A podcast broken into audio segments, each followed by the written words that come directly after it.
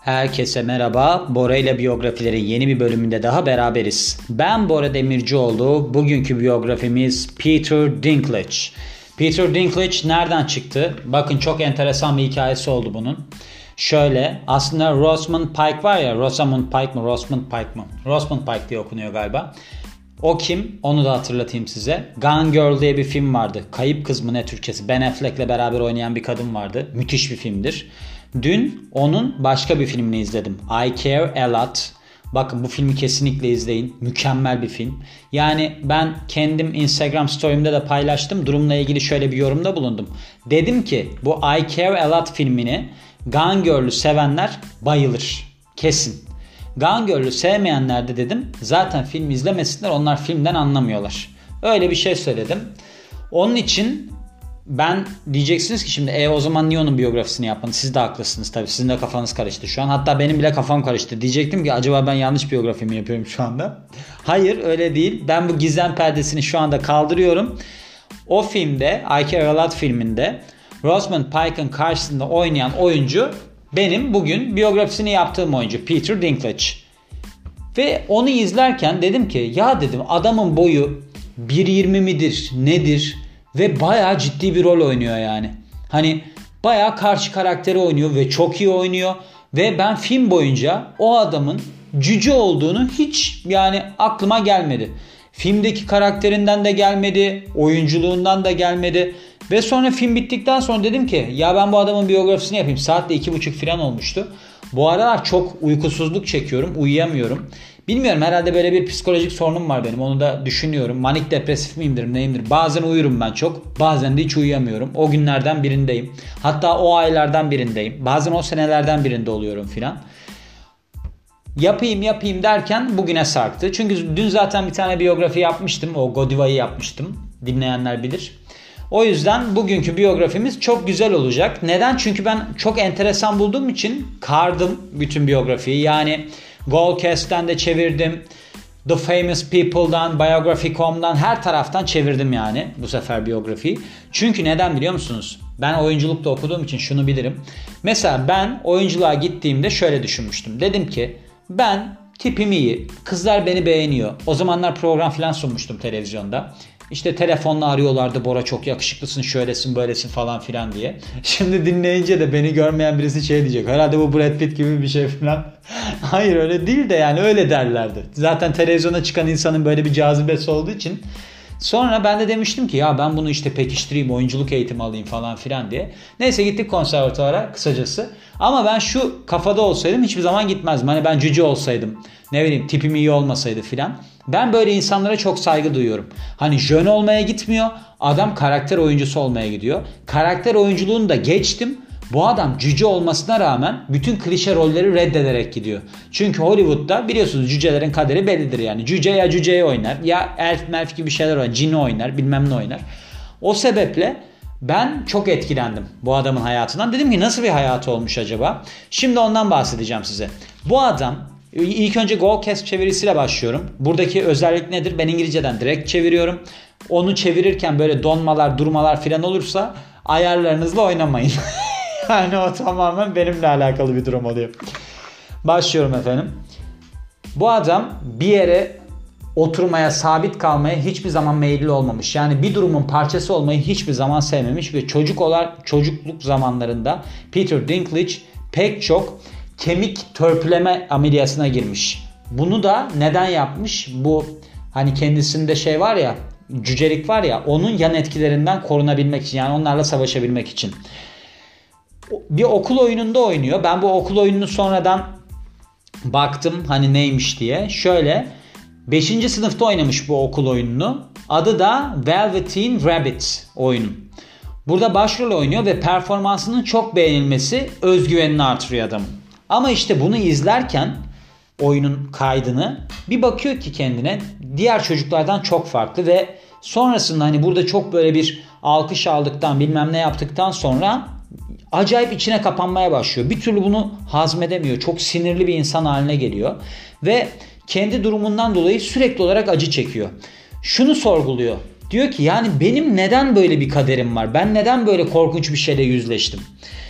Ve duygularına bir set çekmeye karar veriyor. Sadece kendini alay konusu olmaktan korumak için. Boyunun kısalığına ek olarak ki boyu 1.32'ymiş. Ben 1.20 falan sanıyordum. 1.32'ymiş boyu. Böyle kara kıyafetler giymeye başlıyor. Siyah kıyafetler giymeye başlıyor. Hiçbir zaman gülümsemez oluyor filan. Ve sürekli olarak da sigara içtiği için yaşıtlarından ayrılıyor. Kendini izole ediyor. Ama oyunculuk yoluyla anlıyor ki aslında insanların ona bakışını değiştirebilir. Bu konuyla ilgili şöyle bir sözü var. Hiçbir zaman çok fazla dikkatli olma. Yani sana nasıl bakıldığına, sana nasıl davranıldığına filan.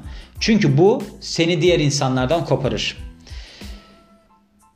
Bir sürü alkışın aldığı bu tiyatro oyununda, bahsettiğim tiyatro oyununda insanlar aslında onun çok fazla yetenekli olduğunu fark ediyorlar ve o da fark ediyor ki bir süre sonra insanlar o oyunculuk yaptığında bunu hiç aslında kale almıyorlar. Boyuyla ilgili bir konuyu kale almıyorlar. Bu yüzden 1980'de Dalberton School'dan mezun olana kadar drama kulübüne katılıyor.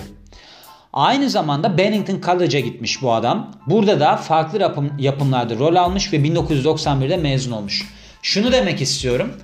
Adam boyunun kısalığı hani benim boyum kısa ben bu boy kısalığından yürürüm filan filan diye düşünmemiş. Açıkçası Türkiye'de böyle bir dizide var biliyorsunuz. Çaycı İsmail diye bir karakter var. Ben o adamı bilmiyorum oyunculuk eğitimi almış mı nasıl olmuş filan diye.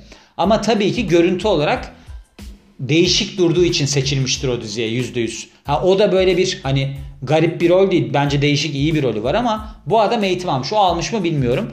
Ama hani ben zaten boyum kısalığıyla dikkat çekerim deyip hiç eğitimde almayabilirdi. O açıdan da bayağı bir aslında hoşuma gitti.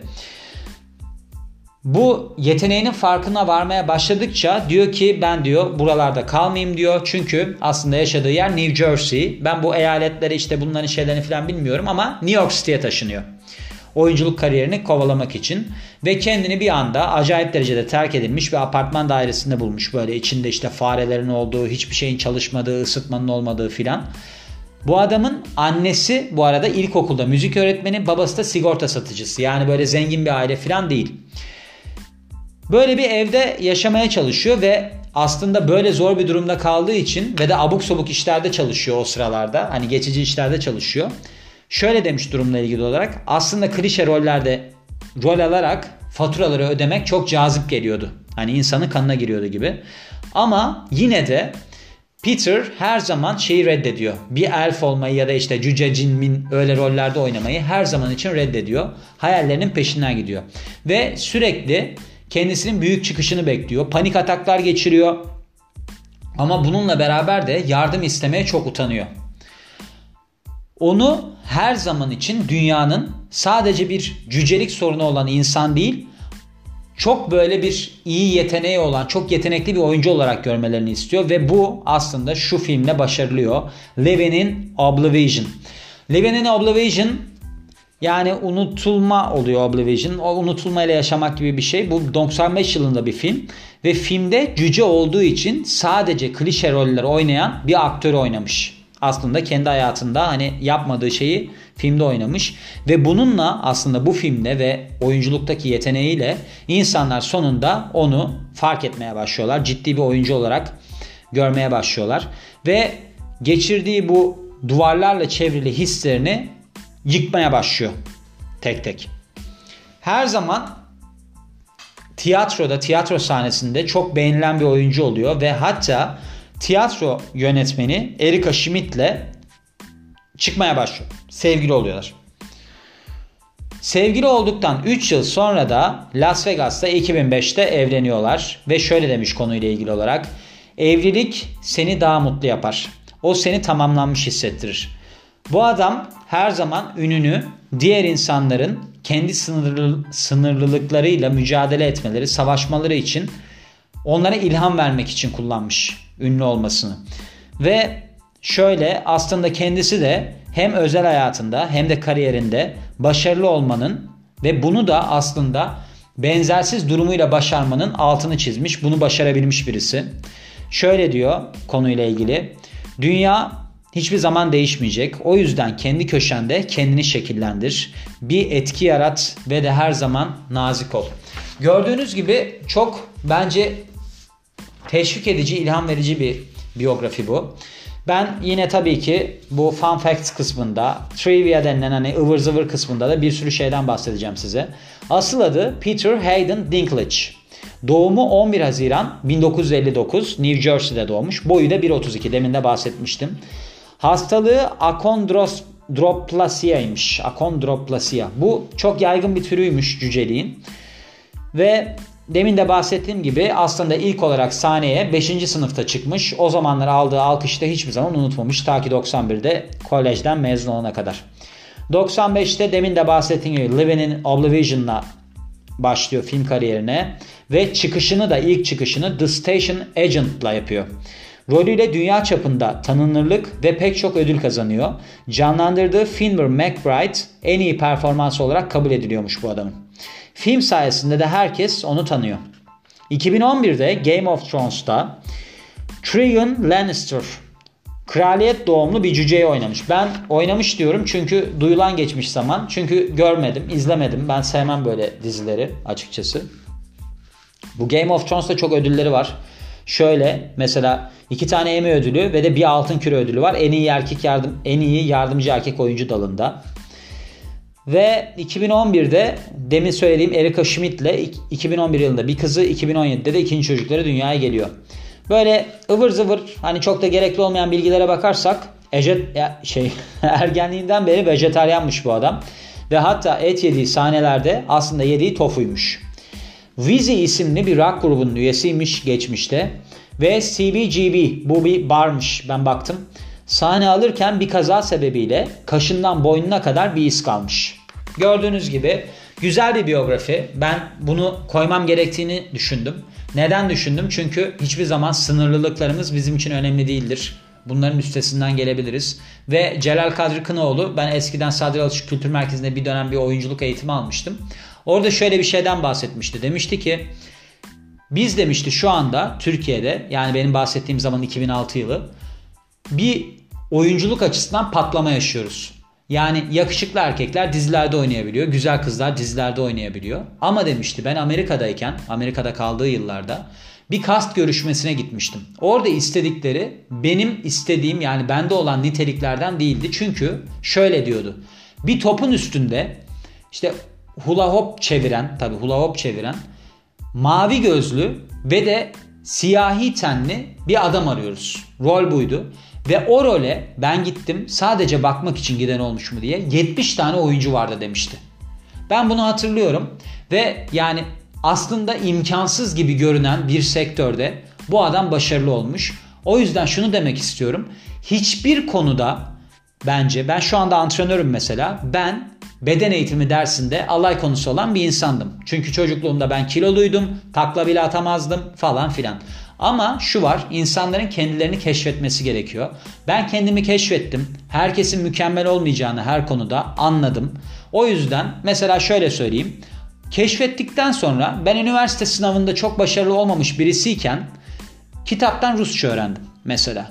O yüzden hiçbir zaman biz boyun eğmemeliyiz. Yani şöyleyiz, böyleyiz, o daha yetenekli böyle.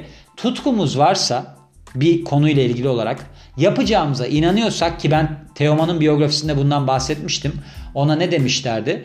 Abi senin tipin iyi ama sesin yok. O da demişti ki ben bir şey demedim ben bu işi yaparım dedim içimden. Biz eğer ki içimizden ben bu işi yaparım diyorsak yaparız. Hiç merak etmeyin diyorum. Bu biyografinin de sonuna geliyorum.